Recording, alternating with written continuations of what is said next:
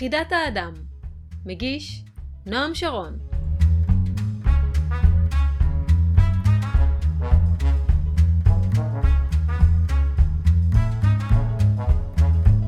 שלום רב וברוכים הבאים לפרק שלישי של חידת האדם, פודקאסט אנתרופוסופיה מבית אדם עולם.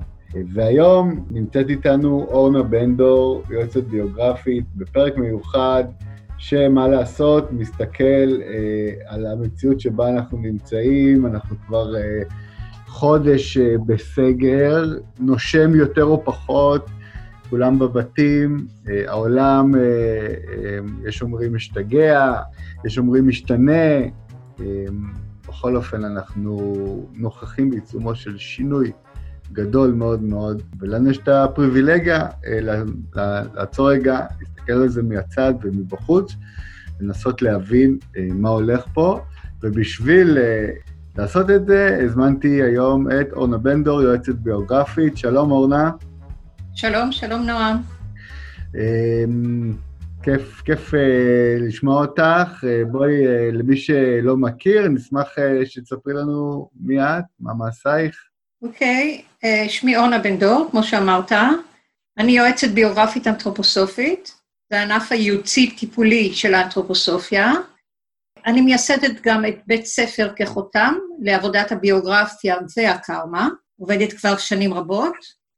מרצה בארץ, מרצה בחו"ל, מעבירה סמינרים והכשרות, גם בארץ וגם בחו"ל, ותלמידת מדעי הרוח של שטיינר ושל המורה האישי שלי, מר צבי בריגר, שהלך לעולמו לפני כחודשיים. כן, ואת גם פרסמת ביוגרפיה, הספד נפלא לזכרו של מר צבי בריגר, זכרו לברכה, בפרק האחרון שגילנו ביוגרפיות של אדם עולם, שהתפרסם בחודש שעבר, במרץ. מעניין לציין שאורנה היא גם שכנה, אנחנו גרים במרחק שש בתים אחד מהשני, ברחוב הארזים בלפיד, לפעמים אני רואה אותך כשאני בחצר ואת יוצאת לטיול עם שלום, אבל את ההקלטה הזאת אנחנו עושים בזום, שומרים על כללי הריחוק ה...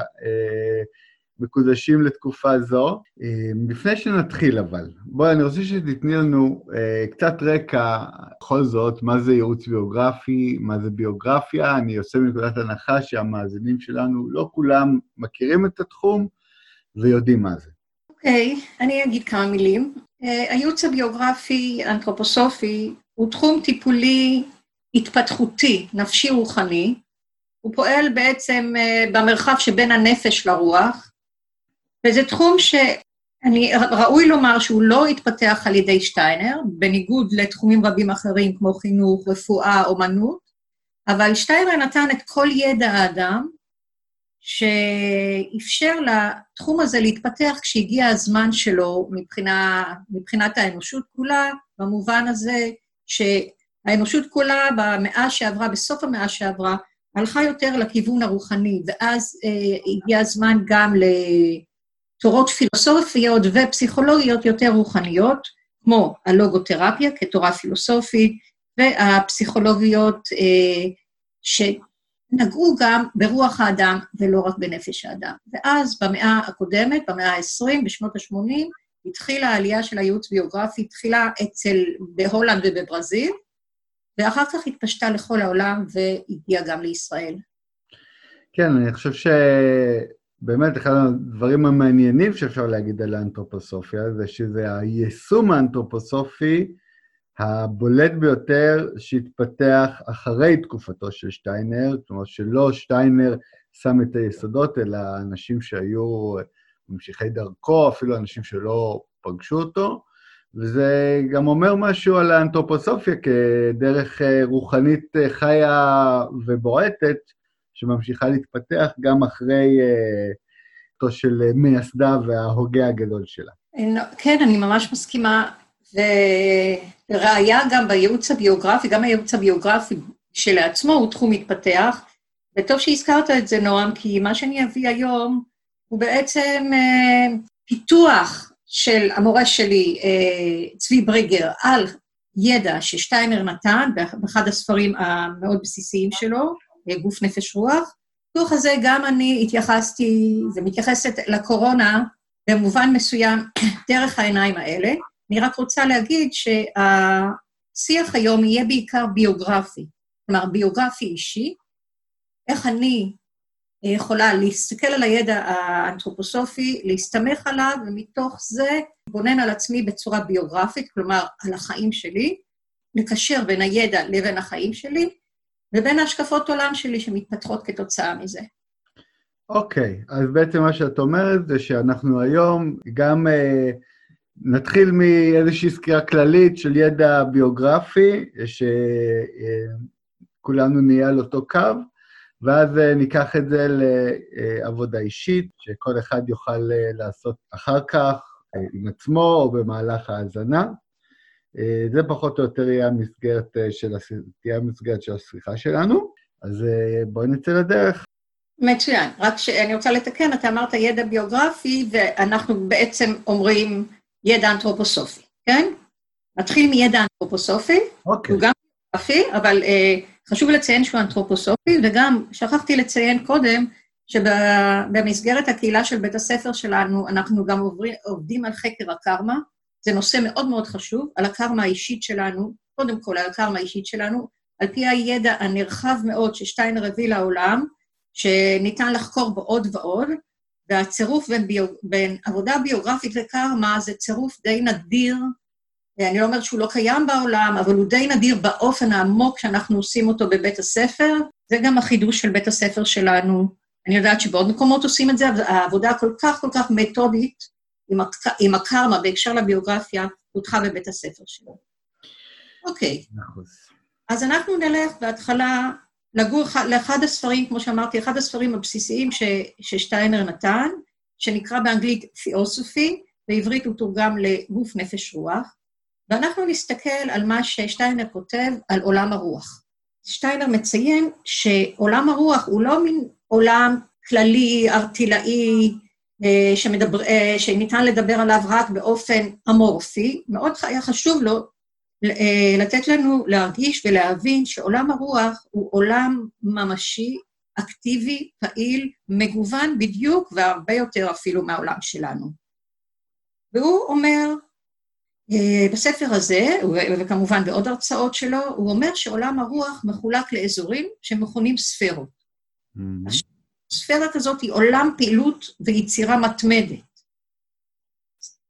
אתה צריך לחשוב, נועם, שכל מה שאתה מכיר כאן כיצירה וכפעילות, צריך להכפיל אותו אלפי מונים כדי להבין מה זה עולם הרוח. אתה יכול אפילו לדמיין שאתה נכנס לעולם הרוח, וההתרחשויות שם הן אינסופיות. התרחשות אחר התרחשות, יצירה אחר יצירה, לידה אחר לידה, שעד כדי כך שאם אתה או אני ניכנס לשם בגוף הפיזי שלנו, לכאורה, כמובן שזה אה, בלתי אפשרי, אנחנו נרגיש שנשמתנו נעתקת, mm-hmm. שקשה מאוד להיות שם, לשאת את, ה, את, ה, את האינספור, את השפע האינסופי של, ה, של האירועים, של הצבעים, של המוזיקה, עד כדי כך שאנחנו אפילו ניכנס למצוקה. שטיינר אומר שכשהנפש של האדם, בשלב מסוים בעולם הרוח, לא יכולה לשאת את זה יותר. It's overwhelming, אפשר להגיד, כן? אז העולם הזה, שהוא רק פעולה ורק יצירה מתמדת, אינסופית, mm-hmm. ואין... יש שם תמיד חדש. Mm-hmm. אפשר להשוות את זה, אם אתה רוצה להבין את זה קצת, אפשר לה... אולי באיזושהי מטאפורה ארצית, אפשר להשוות את זה, נגיד, ליצירות של מלחין בעל שיעור קומה כמו מוצרט. אלפי יצירות, יותר מאלף יצירות, וכשאתה מקשיב לכל יצירה, למרות שהמוטיבים הם דומים, אתה כל הזמן חש חידוש ו- ויצירתיות אינסוף. אוקיי? רק כדי שיהיה לנו תמונה מה זה עולם הרוח. כן, את יודעת מה, אני יכול אולי לנסות להביא את זה מחוויה אישית אה, שלי ממש מהבוקר. אנחנו מקליטים את הפרק הזה מוקדם בבוקר, נכון. והשעון המעורר אה, קטע באכזריות את אה, שנתי, ואני זוכר ממש את התחושה בכמה דקות הראשונות בבוקר, כאילו נקטפתי, נשאבתי החוצה מתוך uh, uh, התרחשות בלתי פוסקת שהייתי שרוי בה, uh, זה היה חלום, כן? ו... אבל החלום הזה היה כל כך חי ומלא דברים, ו... זכרתי מעט מאוד ממנו כשהתעוררתי, אבל אני ממש זוכר את התחושה שיואו, שאבו אותי עכשיו מ... מ... מה זה? מלונה פארק. כן, ממש יפה. הדוגמה שהבאת ממש ממחישה. באמת, אה, טוב שהבאת אותה, זה נכון. אז תיקח חלום כזה, תכפיל אותו באלפי מונים, ות... ותנסה לחוש מה זה עולם הרוח, רק שלא ייווצר, תיווצר איזושהי דעה ממה שאני אומרת, שעולם הרוח הוא בהתרחשות היסטרית או תזזיתית. זה לא, זו התרחשות דינמית, אבל מאוד הרמונית. בכל אופן, לנו, בני אדם, במצב שאנחנו היום, זה היה יכול להיות מעיק. אבל זה רק הערת ביניים, כדי שאנחנו... אוקיי. Okay. אז זה, נתת פה איזשהו תיאור של uh, שטיינר את עולם הרוח, תיאור, uh, בואו נקרא לזה תמונתי, חווייתי. אה, ש... מאוד. של פעילות, פעילות רוכשת, ש, ש, שמן הסתם מייצרת משהו. נכון, מייצרת חדשות לבקרים. אוקיי. Okay. אפשר לקרוא לזה אימגינציה, בשלב הראשון שטיינר קורא לזה אימגינציה. תמונה כזאת, תמונה של פעילות רוכשת מתמדת ויצירתית. למה זה? גם אותו ניתן לחלק לספרות, כמו שכאן אפשר לחלק את, ה, את היקום ליבשה, לים, להרים, למדינות, מה שתרצה, גם שם אנחנו יכולים לחלק את העולם הזה לספרות, אלא מה? שבכל ספירה כזאת אתה יכול למצוא את האב טיפוס של כל מה שנמצא כאן בעולם החומר כתולדה שלו. אני רוצה להגיד, לפני שאני מפרטת, שעל פי השקפה האנתרופוסופית, עולם הרוח הוא המקור של הכל, הוא העולם הראשי, והעולם שלנו הוא הקצה שלו, הבבואה שלו, התולדה שלו. שום דבר ארצי, פיזי, לא יכול להתקיים אפילו לשנייה אחת, אם עולם הרוח לא תומך בו. אה, שטיינר מחלק את עולם הרוח לכמה וכמה ספרות, אה, כשש-שבע ספרות, אבל אנחנו ניגע היום בשלוש ספרות לצורך העניין שלנו. בספירה הראשונה הוא אומר שניתן למצוא את האב טיפוס של כל צורות הקיום הדוממות, כן? זאת אומרת, של כל מה שהוא פיזי, כל משהו, עולם פיזי נעדר חיים, נעדר חיים זה לא אומר רק הדומם, אלא גם הדומם שבתוכי, התבנית של הגוף שלי, נגיד של העצמות שלי, או כל דומם כלשהו, איפשהו... מכנים אה, ממלכת המינרלים. נכון. כל ממלכת המינרלים, ממלכת המינרלים למיניה, נגיד, היא, יש לה ארכיטיפ, יש לה אב טיפוס, יש לה ישות יוצרת, משהו שיוצר אותה, אם, אם נתייחס לזה במילים של אפלטון, אנחנו נכנה את זה בשם האידאה, mm-hmm. כן?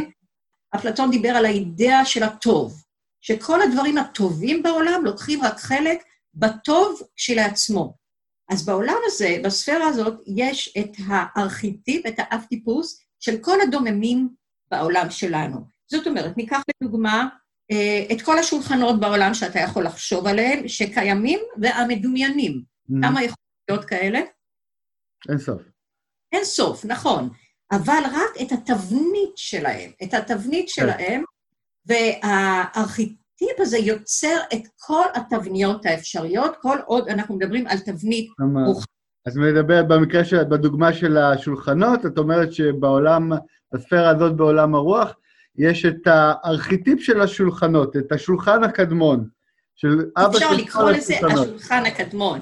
נכון, יפה מאוד, כמו שאנחנו יכולים לקרוא לאדם הבראשיתי, אדם קדמון, לא במובן האדם הקדמון של דרווין, אלא אדם קדמון כמו שמדברים עליו בקבלה, שהוא הארכיטיפ, התבנית הקוסמית של כל אדם באשר הוא. ואנחנו נגיד ששם אין רק את התבנית הפיזית של דברים פיזיים, אלא גם את התבנית של כל מחשבה שהיא מחשבה ארצית, כי מחשבה ארצית היא גם כן מחשבה שנובעת מהגוף הפיזי, מהמוח שלנו, ולכן גם יש שם את התבנית של כל המחשבות שיכולות להיות בעולם, למרות ששם המחשבה היא לא פיזית, אלא היא ארכיטיפ של כל המחשבות, אז נגיד שהיא ארכיטיפ חי של כל מחשבה, שכשהיא עוברת לעולם הרוח, היא הופכת להיות מחשבה משקפת. לא מחשבה חיה, אלא מחשבה משקפת, להוציא כל המחשבות היצירתיות שבאות לידי ביטוי באומנות, בהמצאות, בכל דבר יצירתי שאנחנו עושים. אז אפשר להגיד שהתבנית של המחשבה, בין אם היא חיה ובין אם היא משקפת, אפשר להגיד מחשבה אה, אינטלקטואלית, מחשבה לוגית, מחשבה שכלית, כל התבניות האלה, השקפות עולם שלנו, פילוסופיות, התבנית של כל אלה נמצאת גם כן בעולם הזה. אוקיי, okay, רגע, אני רוצה פה להתעכב על זה ולחזור על זה, וזה חשוב uh, בעיניי. בעצם את אומרת שבספירה הזאת, uh, הפיזית, לא נמצאים רק הסמים הפיזיים שאנחנו רואים בחוץ, או ממלכת המינרלים, אלא גם מחשבות, או יותר נכון, התבניות של המחשבות האלה, ו, ואתה עשית הבחנה בין מחשבות יוצרות אה, לבין אה, מחשבות אה, אינטלקטואליות. בואי תחדדי לי את זה, כדי שנבין. כן, אני אחדד, אני אגיד את זה דרך... אני אגיד את זה באופן אחר. אפשר לחלק את העולם לישויות אקטיביות וישויות פסיביות, פעילויות אקטיביות ופעילויות פסיביות. אנחנו נגיד שרק הרוח היא אקטיבית, רק הרוח היא פעילה, והחומר או אפילו חומר המחשבה, כשהוא מחשבה רגילה, הוא נפעל. מחשבה עולה בנו כאסוציאציה, יש לנו דעות קדומות. אנחנו לא, אנחנו לא יוצרים מחשבות חיות כל רגע ורגע, אוקיי. ההפך. אוקיי? את, כן, אז, אז, אז בעצם מה שאת אומרת זה כשאנחנו חושבים מתוך דפוסי החשיבה הרגילים שלנו, מתוך ההרגלים, מתוך מה שהכניסו לנו לראש, מתוך מה ששוטפים לנו את הראש, אז זאת חשיבה חומרית, זאת לא חשיבה רוחנית, זאת לא חשיבה חיה. מקסים, נכון מאוד מה שאתה אומר, וכל השקפת עולם שאנחנו מחזיקים בה, אנחנו נצטרך לברר, וזה אה, ירפרר היום לנושא שלנו, אנחנו נצטרך לברר האם היא מחשבה ריאקטיבית או אם, אם היא מחשבה אקטיבית, כן? ואנחנו תכף נראה איך אנחנו מבררים את זה, במיוחד היום לאור הקורונה. כן? מעולה. אז רק כדי לסכם את הנקודה הזאת, ומבחינתי יש פה איזשהו חידוש, כי תמיד אה, באנתרופוסופיה מתייחסים אל המחשבה כאל אה, אה, הנציגה של הרוח עלי אדמות, והמחשבה באופן אוטומטי נתפסת כדבר רוחני, אבל פה מה שאנחנו מבינים זה שמחשבות יכולות להיות חומריות, נציגות אה, של החומר בעולם, כאשר הן uh, יוצאות מתוך תבניות ודפוסי חשיבה, כאשר הן לא מתוך uh, מקור חי ויצירתי. מצוין, ממש ניסחת את זה מאוד טוב. אפשר גם להגיד שמחשבה יכולה להיות יצירתית, אבל לאט-לאט, ל... ל... איך נגיד, להיות... להתאבן. מה, מה רצית להגיד? להתאבן. להתאבן, בדיוק, להתאבן, להתקשות, להתעצות, להפוך להיות בצורת התבנית כן. שלה, כמו איזו עוגה שלא יצא לך טוב, עוגה קשה שלא יצא לך טוב, ואז אה, אה, יש בעיה עם זה, כן? אוקיי. אנחנו נראה תכף מה עולם הרוח עושה עם הבעיה הזאת, כשמחשבה מתחילה להתאבן ולהיות לא רלוונטית, כן? מעולה. עכשיו, זה, בעולם הזה, אה, בספירה הזאת, נמצא, נמצאות ישויות יוצרות, רוחות הצורה, זה בטרמינולוגיה האנתרופוסופית, ובתנ"ך הם נקראים אלוהים, והם אלה גם שנתנו את הצורה לאדם, כן? בתנ"ך זה כתוב בצורה אימגינטיבית, בצורה תמונתית, שהאלוהים לקח את האדם מהעפר וצר לו צורה. כן. והרוחות האלה הן בעצם הארכיטיפיות, הרוחות הארכיטיפיות, הארכיטיפ של כל מה שנותן צורה, לכל מה שיש צורה בעולם הזה, כולל מחשבות צורניות, אוקיי? אוקיי, זאת הספירה הראשונה. זאת הספירה הראשונה. לפני שאני אה, אה, אגע בספירה השנייה, אני רוצה לפרט על הספירה הזו, כי אחר כך הספירה השנייה והשלישית, אנחנו נעבור עליהן מהר, בכל זאת זה, זה, אה, זה פודקאסט של, של 40-45 דקות, ואי אפשר לתת שיעור שלם או סדנה שלמה, אז אני רוצה להרחיב שבעולם הזה, בעולם שלנו אנחנו יכולים לדבר על מחשבות, נקרא להן משקפות או מתות, כעל מערכות קונספטואליות, כעל מחשבה קונספטואלית, מערכת קונספטואלית של רעיון, ויש שני סוגים כאלה. אחת, זה מערכת קונספטואלית שמשולבת ממש עם הממד הפיזי, החומר, למשל, איזשהו רעיון, איזושהי אידאה, אבל יש לו גם, בואו נגיד, חולש על חומר, על בניינים, על, אה, אפילו על אנשים, על... אנחנו יכולים להגיד, להכניס לשם את מערכות השלטון, כלכלה, צבא, תעשייה, חינוך, בריאות, משטרה, כל אלה הם בעצם מערכות קונספטואליות, יש איזה רעיון אה, מעליהם, והם גם קשורים לחומר הפיזי. זה הסוג האחד, אנחנו לא ניגע בו היום. אוקיי. Okay. כן? הסוג השני זה מערכות קונספטואליות ללא יסוד פיזי ממשי, ואנחנו יכולים להכניס לשם תיאוריות, פילוסופיות, דת, כל עוד זה לא נוגע בבניינים שמשרתים אותה, והשקפות עולם. Mm-hmm. ומה ש...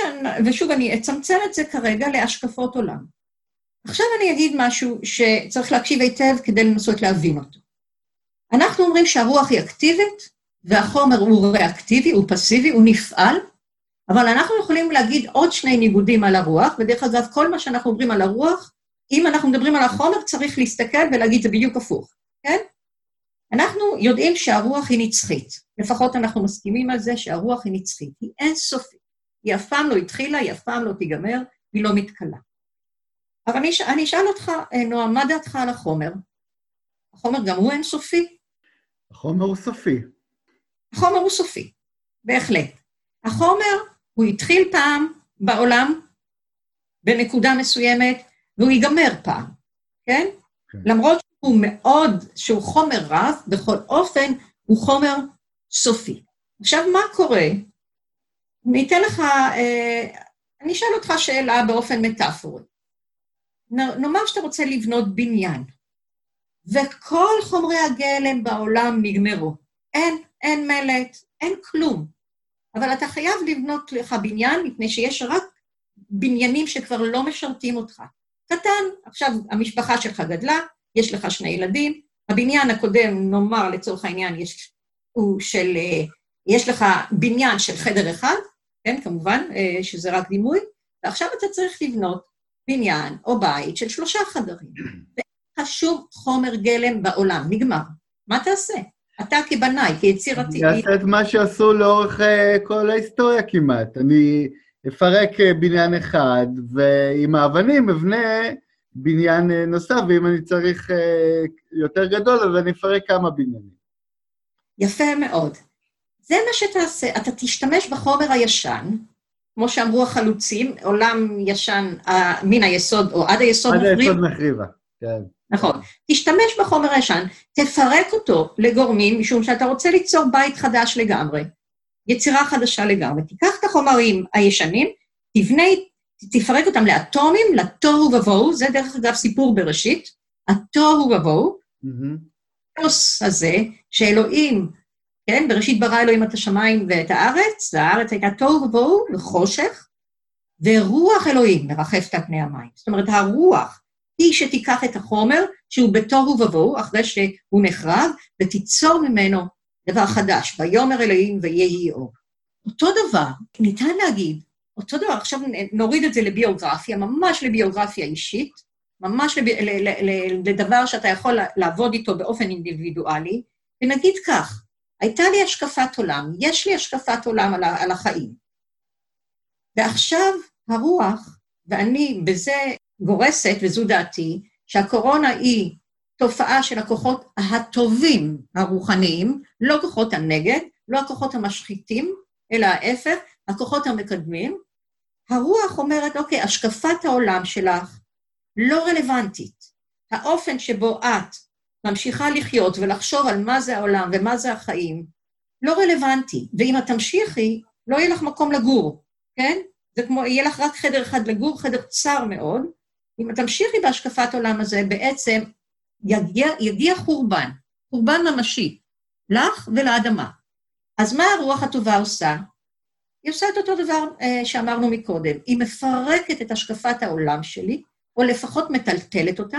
אבל בוא נגיד שהקורונה היא לא ממש מפרקת, לכמה אנשים היא ממש מפרקת, לאחרים היא מטלטלת, ב- ב- בכל מובן, על מנת שאני אקח את האטומים של החשיבה הזאת, את התבנית שהתאבנה, את התבנית שהתקשתה, אפשר אולי לה, להגיד בשפה האנתרופוסופית, את התבנית ההרימנית, הקשה, המעוצה, המשוכפלת, חסרת היצירתיות והמטה, שלא רלוונטית כבר. אני נושאת אותה איתי משום מה הרבה זמן, היא שירתה אותי, היא לא משרתת אותי יותר, והיא מסוכנת. ואז הרוח תהרוס לי אותה תאלץ אותי אחרי תקופה של תוהו ובוהו כמובן, אחרי תקופה של משבר, אחרי תקופה של מדבר ושל זעזוע ושל התמרמרות, ולמה, ואיבדתי את הפרנסה, ומה קורה כאן, ואני רק רוצה שהעולם יחזור להיות כקדם, כן? חדש ימינו כקדם. Mm-hmm. אז עכשיו אני נאלצת, אחרי התקופה הזאת, לבנות מחדש את השקפת העולם שלי. אז אני רוצה לשאול אותך, נועם, אולי אתה רוצה לענות לי. אוקיי. אתה רוצה להגיד משהו? סליחה. כן, האמת שנראה לי שמה שאמרת עכשיו הוא כל כך משמעותי, שהייתי רוצה לחזור על דברייך בקצרה ולסכם אותם עבור המאזינים שלנו, כדי שנוכל להמשיך משם כשכולנו באותו קו, כי שוב, זה באמת נראה לי אה, דבר נורא נורא חשוב מה שאמרת כרגע. שבעצם את אומרת שהקורונה, המגפה, המחלה שהגיעה, כמו כל דבר בעולם הפיזי, הגיעה מעולם הרוח, אה, כאיזשהו מסר או איזושהי פעילות אקטיבית של עולם הרוח, ואת אומרת של עולם הרוח הטוב, כן, חילקת אה, את העולם הזה לכוחות המקדמים ולכוחות המעכבים, אנחנו לא נתעכב על זה כרגע, זה נושא מרתק וראוי לדיון ולפרק בפני עצמו. זאת אומרת שהקורונה היא, היא מהטובים, היא משלנו, ובעצם היא נועדה אה, לעזור לנו לפרק אה, דפוסי חשיבה ישנים, ונורא ברור מהם דפוסי החשיבה האלה, אה, כל התרבות החומרית אה, שהתפתחה פה במאות האחרונות, במיוחד במאה האחרונה, כל המרדף אחרי הפרנסה והעבודה והחומר, וזה גרם לכולנו פשוט לעצור, פשוט להפסיק, להישאר בבית, לא לצאת לעבודה, ו, אה, ולחשב מסלול מחדש בתחום הזה, ובאמת אה, היא עכשיו עושה מקום לתפיסות עולם אה, חדשות, שבאמת אנחנו רואים שמתחילות לקבל נוכחות. בכל אופן, מה שאני, אצלי בפיד, בפייסבוק, או החברים שאני מדבר איתם בטלפון, מדי פעם. עוד דבר שחזר לחיינו, שיחות טלפון ארוכות. אמ, אני שומע את האנשים שא' הם מברכים על, ה, על השינוי ש, שמתרחש, כן, כמובן, מי שלא אה, נפל כלכלית בצורה חזקה, אה, ומבינים שיש פה משהו חדש שהולך להגיע, או שמגיע. נכון, אה, בדיוק כך. ואני רוצה להוסיף על זה משהו נוסף על מה שאמרת, על הנטייה המטריאליסטית החומרית שהיא מגיעה כמובן ל- ל- לעומקים הרבה יותר חמורים ממה שאנחנו אפילו שמים לב.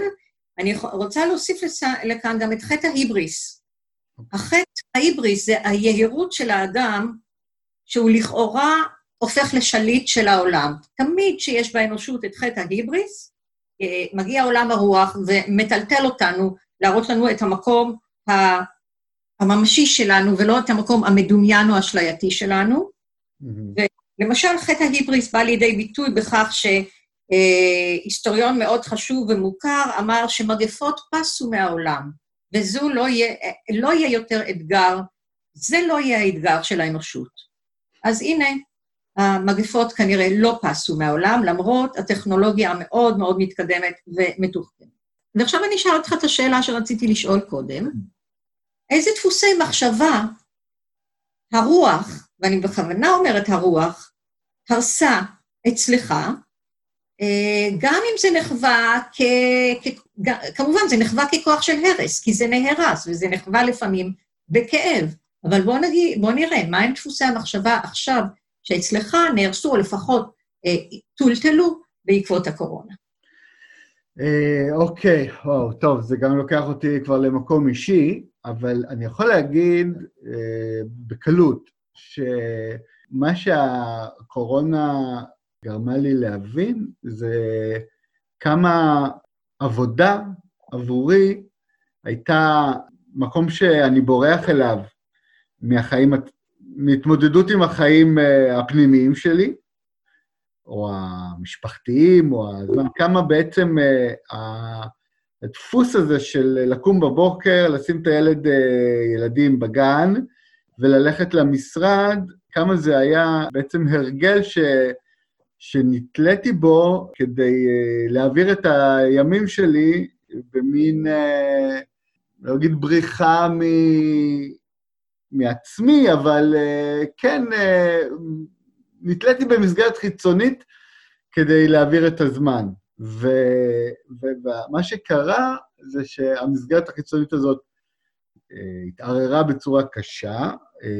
אני יכול להגיד שלמזלי הרב, עוד יש לי עבודה. אנחנו, הוצאת אדם עולם עובדת, אני יכול להגיע למשרד, והעסק עובד, יש מכירות, כאילו, הפרנסה לא נפגעה, למזלי ותודה לאל, אה, אבל היכולת שלי לעבוד מאוד מאוד נפגעה. אה, אני ובת זוגתי בעצם אה, חולקים את העבודה היום.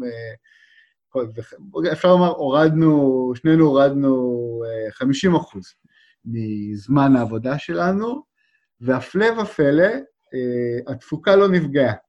אני, אני מצליח לעבוד ופחות או יותר להפיק את כל מה שהפקתי עד היום בחצי מהזמן. אה, זה אומר שאני פשוט עושה רק את מה שחשוב, ולא מבזבז את הזמן שלי יותר. וזה כמובן אה, מביא לי, מביא לי המון אה, מחשבות לגבי העתיד, איך אני אמשיך אחרי הקורונה.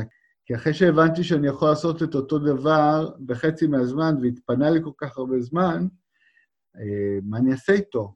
האם באמת אני אהיה מסוגל לשנות את החיים שלי בהתאם? זאת כבר השאלה אה, להמשך, כן? אה, אבל זה, זה דפוס אחד, אם נסכם את הדברים. הדפוס המשמעותי ביותר שנשבר אצלי זה הצורך אה, לעבוד כל כך הרבה שעות כדי להתפרנס, או כדי לחיות את חיי, חיי שליחות ומשמעות. לא צריך כל כך הרבה זמן, שעות, וכן אפשר לעשות עוד דברים, ואפשר להיות הרבה יותר בבית ממה שהייתי רגיל אליו. אוקיי, אז הנה הקורונה האישית שלך, כן? נקרא לזה הקורונה האישית שלי. כן, כן. ולכל אחד מאיתנו, למרות שהקורונה זה תופעה גלובלית וזה קרמה אה, אנושית, אבל כל אחד מאיתנו הקורונה תופסת בביוגרפיה האישית שלו. ומה שאתה מתאר, שזה מאוד מרגש ויפה, כי זה באמת מנקודת אפס, נקודת אפס שמתוכה השאלה לאן תתפתח, אבל ההזדמנות ניתנת, נכון? כן. כל אחד מאיתנו מגיע עם הקורונה, ושוב אני אומרת, זה לא האפוקליפסה הסופית והאחרונה והכי קשה, אני מקווה. הרי אני מדבר על אפוקליפסות יותר... את מקווה שיהיו יותר קשות? אני מקווה שנלמד ויהיו פחות קשות. Okay. אוקיי. אבל, אה, ואני גם מקווה שלא, התכוונתי שאני מקווה שאנחנו לא יודעים מה יהיה עם הקורונה, לאן היא תתגלגל, כן? כן. כן. אבל אה, נקודת האפס שאנחנו מגיעים אליה, בכל קורונה אישית, היא נקודה של הזדמנות חדשה, כן? Okay. אוקיי. ובהחלט, מי, ש, מי שגורם לכאוס הזה, לתוהו ובוהו הזה, שוב אני אומרת, זה הכוחות הטובים. מה שמכאיב לנו זה, מה, מה שגורם לנו לחשוב שזה כוחות של הרס, זה הכאב שאנחנו חשים. ואנחנו מפרשים כאב כלא טוב, כמשהו לא נכון, בעוד שכאב הוא הכרחי ברוב המקרים להתפתחות וליציאה מדפוסים ישנים, מה שמעביר אותי עכשיו לספירה השנייה. אוקיי. Okay. שנייה, בעצם, שם נמצאים הארכיטיפים של כל רגש ורגש שאנחנו חווים בעולם הזה. Mm-hmm. גם זה נותן לנו קצת ענווה. אנחנו חושבים שאנחנו המצאנו את הרגשות, וכל הרגש שאנחנו חווים זה שלנו וזה אישי וזה אנושי, וזה באמת נכון, אבל הארכיטיפ של כל רגש ורגש שאתה חש, או שאני חשה, או שכולנו חשים, נמצא בכלל בעולם הרוח. של רגש שמחה, של רגש של עצב, כל זה בעצם, לולא עולם הרוח היה מספק לך את הארכיטיפ, את התבנית הרגשית, לא היית חש, כן? זאת אומרת, אה, כל, שוב אני אומרת, כמו שאמרתי מקודם, כל דבר ודבר שנמצא בעולם הארצי, כולל בנפש, ולצורך הזה הנפש, אני אתייחס אליה כרגע כחומר. כן. למה חומר? כי הנפש היא נפעלת, היא לא פועלת. פועלת, היא נפעלת על ידי סימפתיות ואנטיפתיות, משיכות ודחיות, לכן היא לא, היא לא רוח. ואתה יכול להגיד לי, להתנגד ולהגיד כן, אבל לפעמים הנפש בוחרת באופן אצילי. ואז אני אגיד לך, אז באותו רגע נכנס לשם עיקרון הרוח. זה כבר לא הנפש, זה כבר טרנספורמציה של הנפש. אז כל דבר שאנחנו חשים כאן, בין אם טוב, כשמסווגים אותו כטוב או מסווגים אותו כרע לפי מידת הכאב והעונג, גם הוא, הנגז... גם הוא נגזרת של הארכיטיפ בעולם הרוח. עכשיו, גם הרגשות שלנו נהרסים כשהם כבר לא רלוונטיים. למשל, אם יש לי רגש של עונג, ואני רק מחפשת עונג ועוד עונג, ואני בספינת התענוגות, שזה בשבילי היה הסמל, האימגינציה הכי, הכי מדהימה של תחילת הקורונה, של אנשים שיצאו לספינה שמוגדרת בשם שלה כספינת התענוגות, אוקיי? היא נגמרה כבית כלא. זה, הספינה הזו הסתברה בסופו של דבר כסיוט הכי גדול של, בני, של אותם אנשים אה, בערוב ימיהם שהלכו לחפש תענוגות.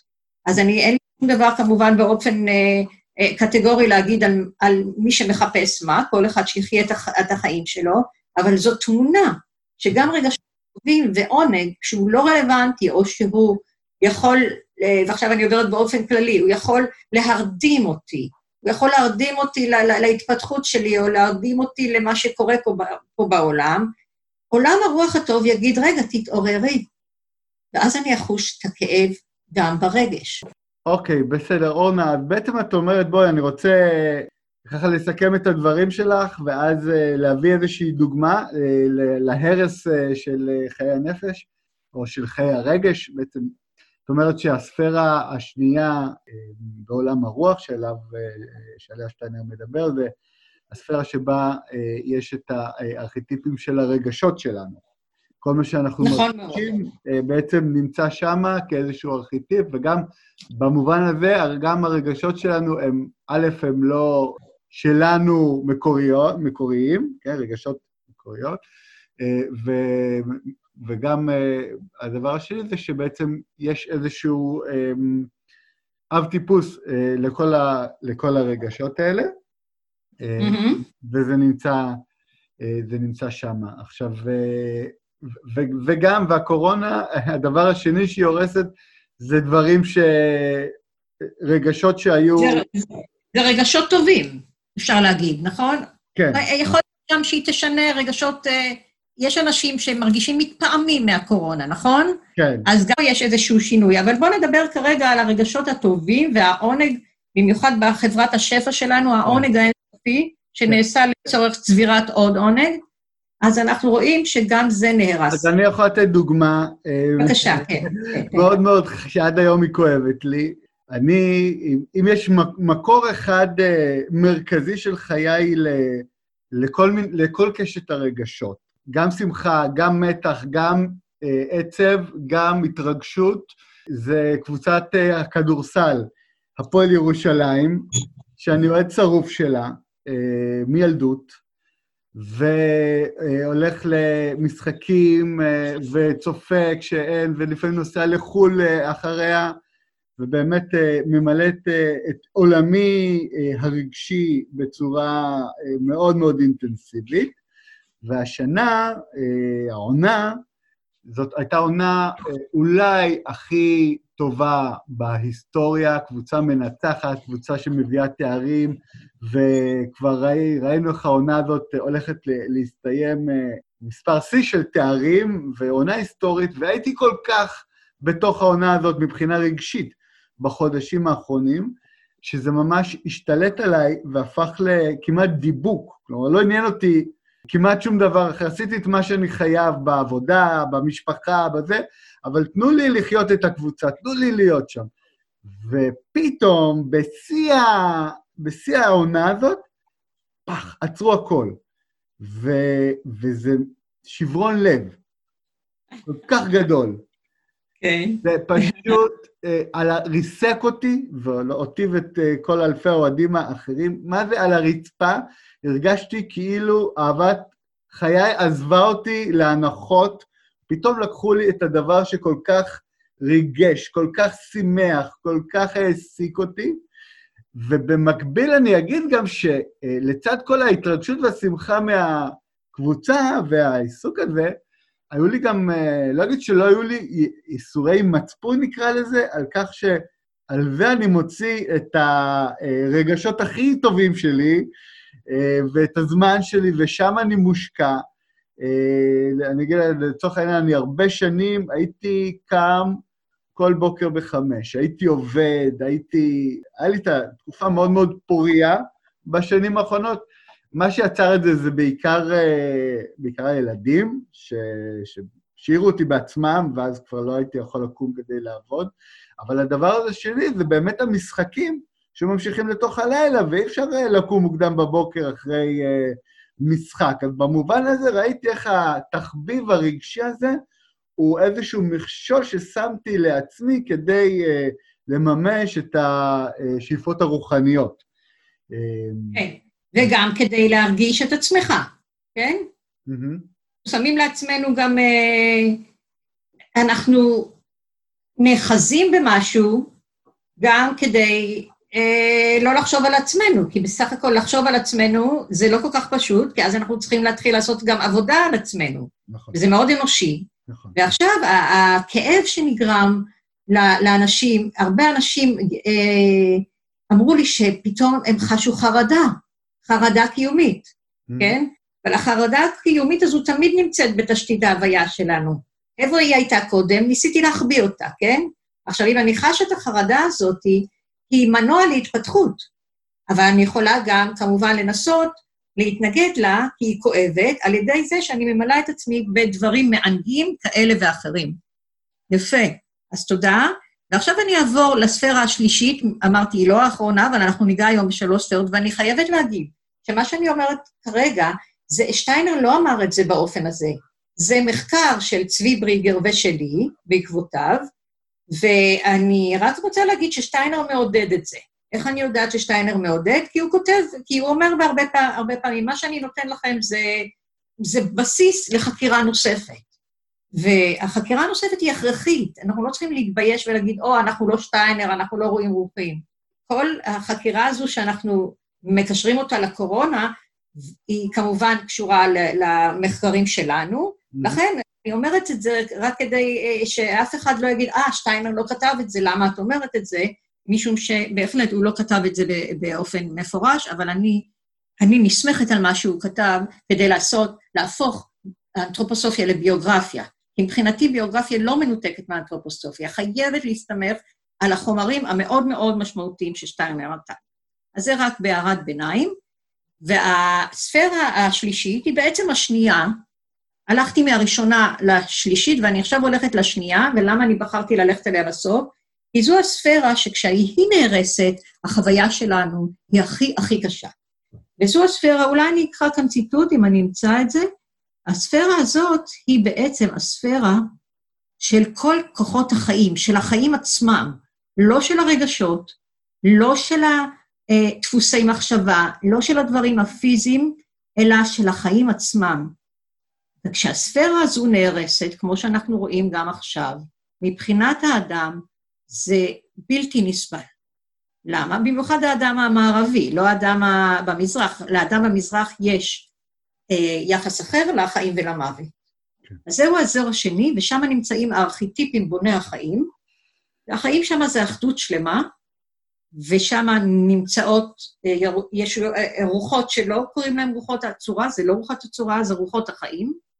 והוא אומר ככה, בספירה השנייה של עולם הרוח נמצאו, נמצאים אבות הטיפוס של החיים.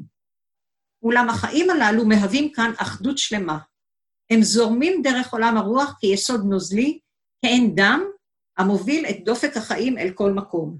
אתה רואה, הוא אומר, כאין דם, כי גם הדם אצלנו מוביל את החיים לכל מקום. Mm-hmm. אתה רואה, אנחנו בצלם עולם הרוח, אנחנו דימוי של עולם הרוח. אפשר להשוות אותם אל מימי כדור הארץ וימיו. כן? אני לא הכי, אני לא אמשיך, אני רק אומר שגם החיים הם תבנית, פה.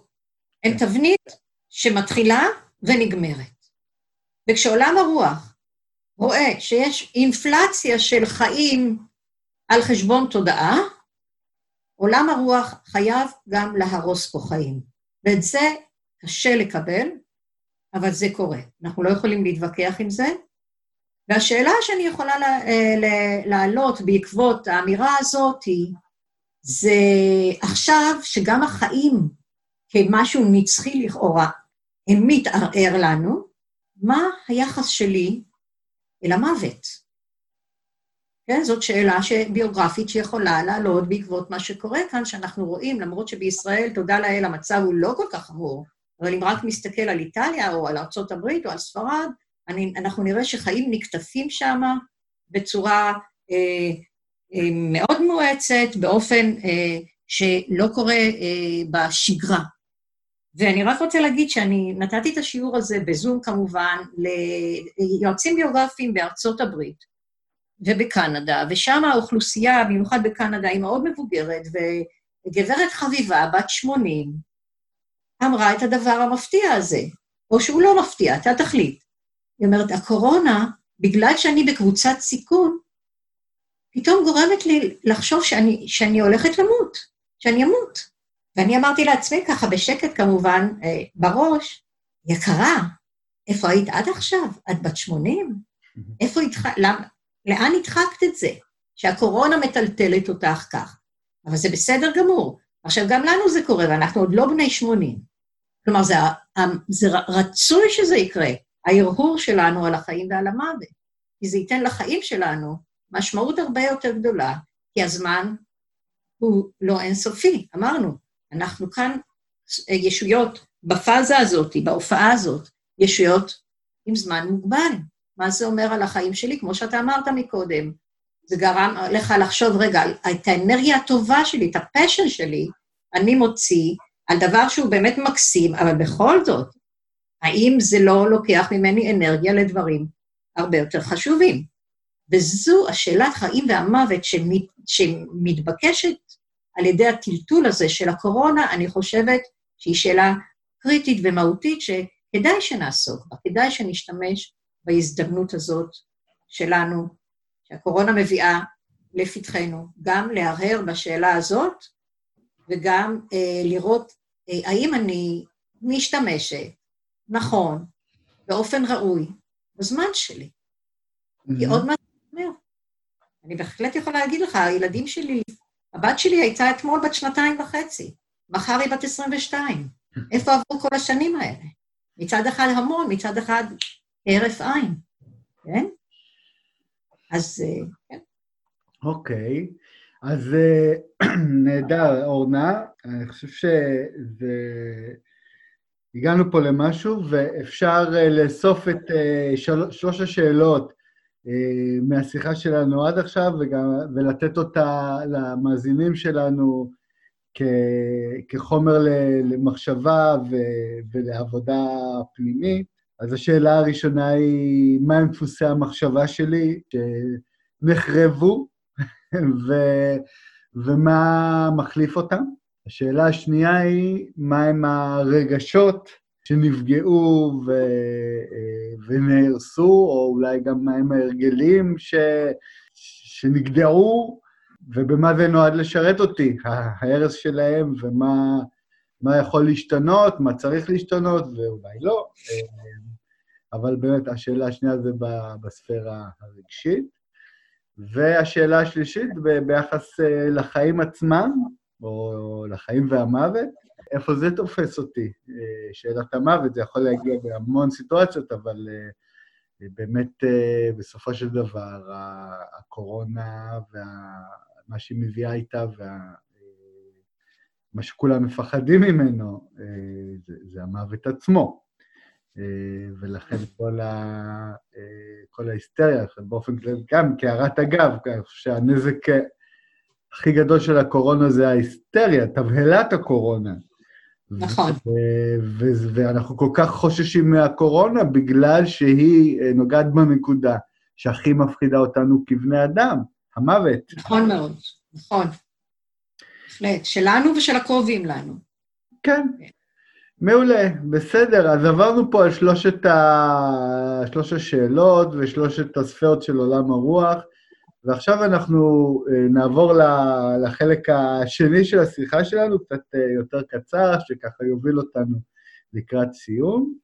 אה, זה לדבר על המגפה עצמה, שגם היא, כמו שכבר הבנו מהחלק הראשון של השיחה שלנו, איזושהי תמונה רוחנית, תמונה או אידאה או ארכיטיפ שהגיע אלינו מעולם הרוח, גם אמרת שהוא הגיע כדי לקדם אותנו, אבל בכל זאת אנחנו מדברים פה על מעל עשרת אלפים מתים רק בארצות הברית ואיטליה, בכל ארץ בנפרד, כן? מאה אלף מתים בעולם. בואי, איך זה מקדם אותנו? אוקיי. Okay. אני עכשיו אתייחס לקורונה באופן כללי, לא ביוגרפי אישי. אני דווקא כאן אצמד מאוד לדבריו של שטיינר, ואתן איזושהי התבוננות אישית, היא כמובן לא מחייבת אף אחד, זו ההתבוננות האישית שלי. לאחרונה יצא ספר שאני תרגמתי אותו, ספר של שטיינר, הרצאות לרופאים הצעירים. Mm-hmm. ובהרצאה מספר 7, שניתנה בדורנח ב-1924, שטיינר מתאר ממש בסוף ההרצאה, הוא מדבר על מגפות, על מחלות ומגפות. והוא אומר שם דבר מפתיע, דבר מאוד מעורר מחשבה. הוא אומר כך, הוא אומר, כל מחלה או כל מגפה זו תמונה ארצית של דבר שאם הוא בעולם הרוח, כשהוא בעולם הרוח, כשאנחנו מסתכלים עליו באופן רוחני, הדבר הזה נכון. אבל כשהוא מועתק כפי שהוא לעולם שלנו, הוא הופך לפתולוגיה, הוא הופך למחלה. זה דבר אה, אה, אה, שניתן להתייחס אליו גם באופן עקרוני כמשהו שקש, ש, שמסביר לנו את ההבדל בין עולם הרוח לעולם הארצי. אנחנו לא יכולים להוריד את עולם הרוח כפי שהוא לעולם הארצי, הוא צריך לעבור דרך תיווך. כן, אז בעצם את אומרת שהתמונות והאידאות שיורדות מעולם הרוח אה, אל העולם הפיזי לא יכולות לרדת אה, כמו שהן בדיוק, אלא הן צריכות לעבור דרך אה, פילטר שקצת משנה אותן ומתאים אותן לעולם הפיזי. אם זה לא קורה, אם אין את הפילטר הזה, אם הן יורדות כמו שהן, אז יש לנו פתולוגיה. בדיוק כך. עכשיו, הפילטר הראשון, שלא קשור כרגע אה, לענייננו, רק אה, לסבר את אוזנם של המאזינים, הפילטר הראשון של עולם, ה, של העולם הפיזי זה הממדים של זמן ומרחב, כן? בעולם הרוח אין זמן ומרחב, לכן כל מה שקורה שם עובר דרך הפילטר הזה, ואז אנחנו יכולים לחוש אותו. אז התמונה היא שכל מחלה שהיא בעולם הרוח, היא בעצם התרחשות רוחנית או תמונה רוחנית נכונה. אבל כשהיא יורדת לכאן as is, כלומר, כשיקוף ללא פילטרים, נגיד ככה, היא הופכת לפתולוגיה.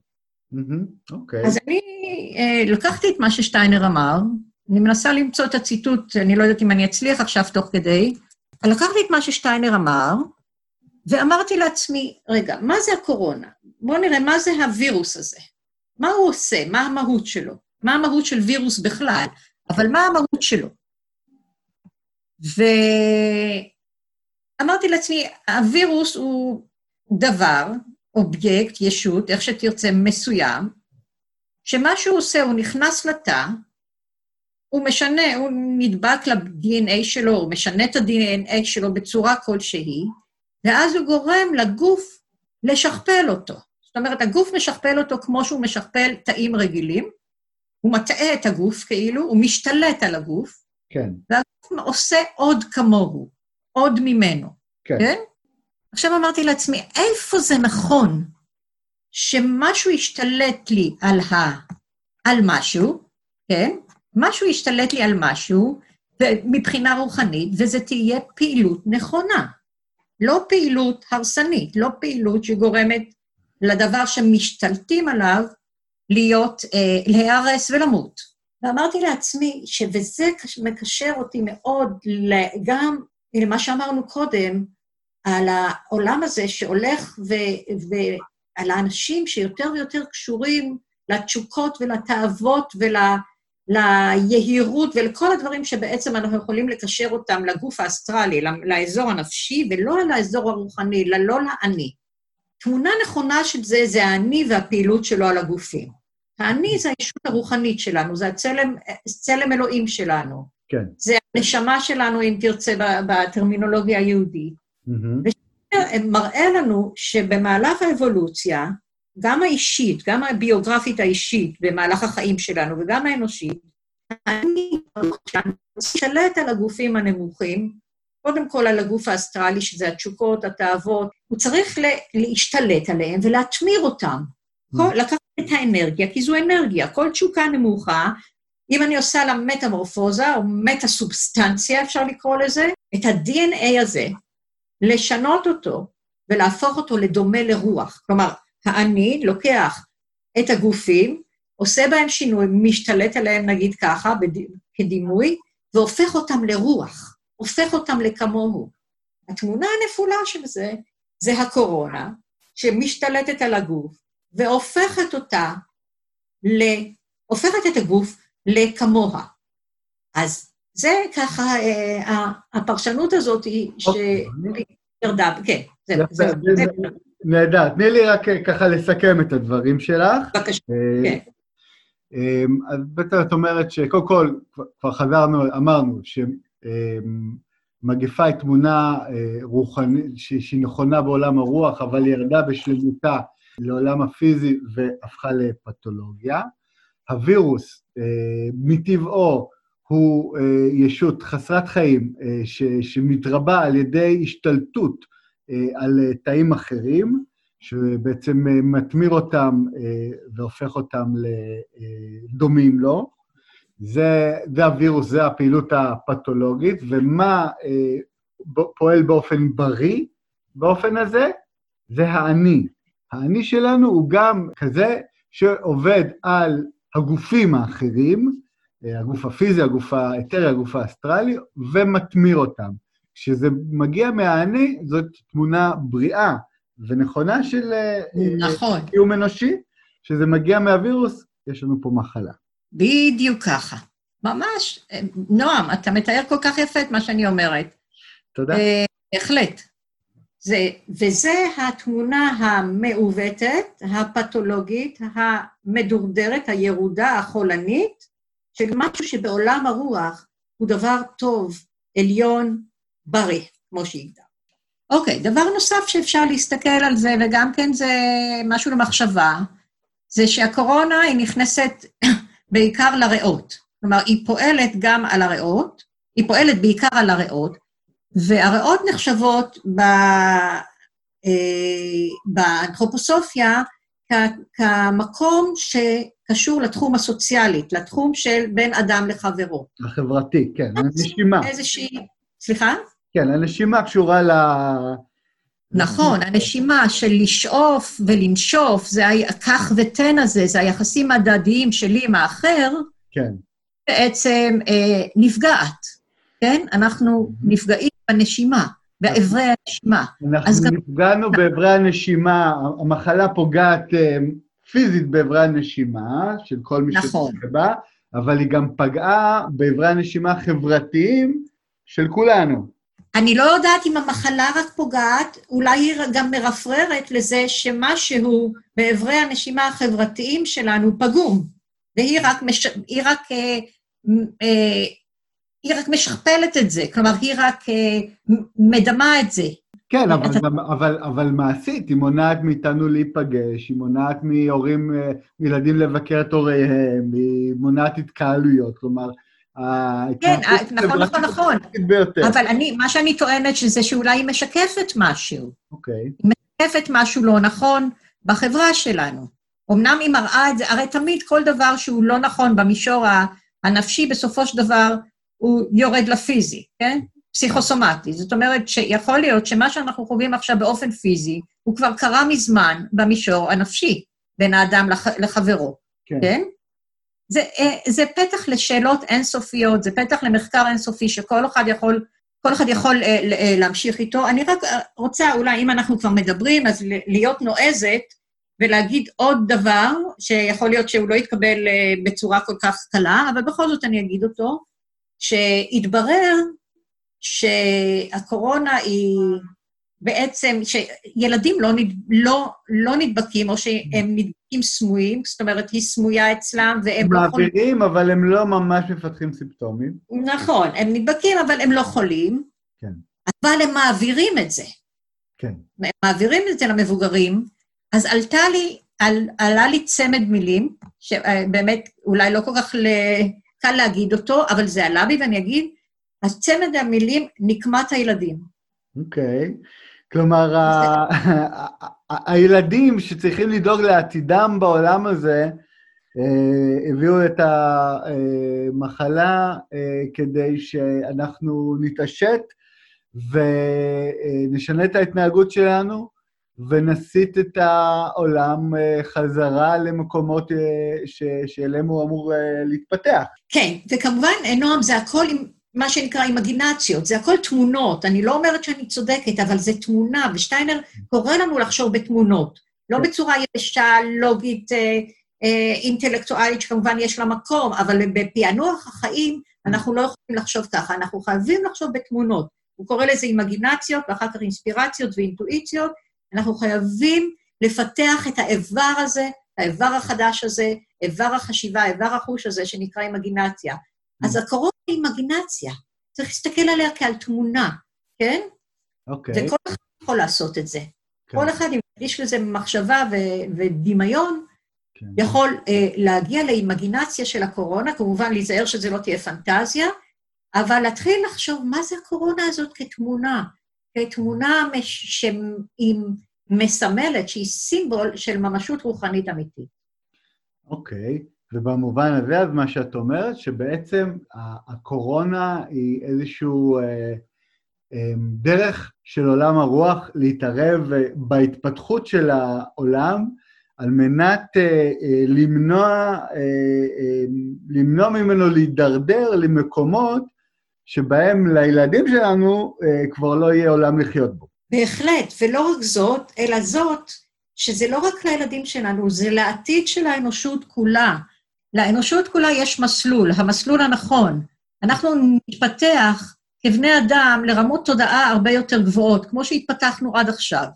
כן. והצפי הוא שאנחנו נהפוך בסופו של דבר לישויות בוראות בעצמנו. והמסלול הזה של האלוהות הטובה, המסלול הזה עומד עכשיו, לא רק עכשיו, כל דור ודור, הוא עומד בסכנה, הוא נתון לסכנה, וזו סכנה ממשית, זו סכנת הכחדה, לא רק פיזית של האנושות, אלא הכחדה רוחנית, הכחדה של כל הפרויקט הזה שנקרא אדם, שנקרא נזר הבריאה, שכל ההיררכיות כולם, כל המלאכים ואלוהים עצמו וכל עולם הרוח עצמו מושקע, כל זה יכול לרדת לטמיון אם אנחנו ניפול לתוך המלתעות של כוחות הנגד, במקרה הזה בעיקר הארימן, ואנחנו נסטה מהמסלול הנכון. לכן אני אומרת, נועה, יש לנו אחריות אישית. זה לא עניין של כמות האנשים, זה עניין של כמות מספקת, אבל זה לא צריך להיות חצי-חצי. שיעשו עבודה אישית, קודם כל על עצמם, על חקר המניעים שמניעים אותם בחיים, על השקרים הקיומיים שלהם. כן? בבית ספר שלנו אנחנו עובדים בעיקר על השקרים הקיומיים שלנו, או על כל שקר אחר, כדי להגיע לאמת. כי רק על האמת אפשר להתחיל בני, לבנות בניין נכון. אפשר לבנות בניין על השקר, אבל הוא יתמוטט.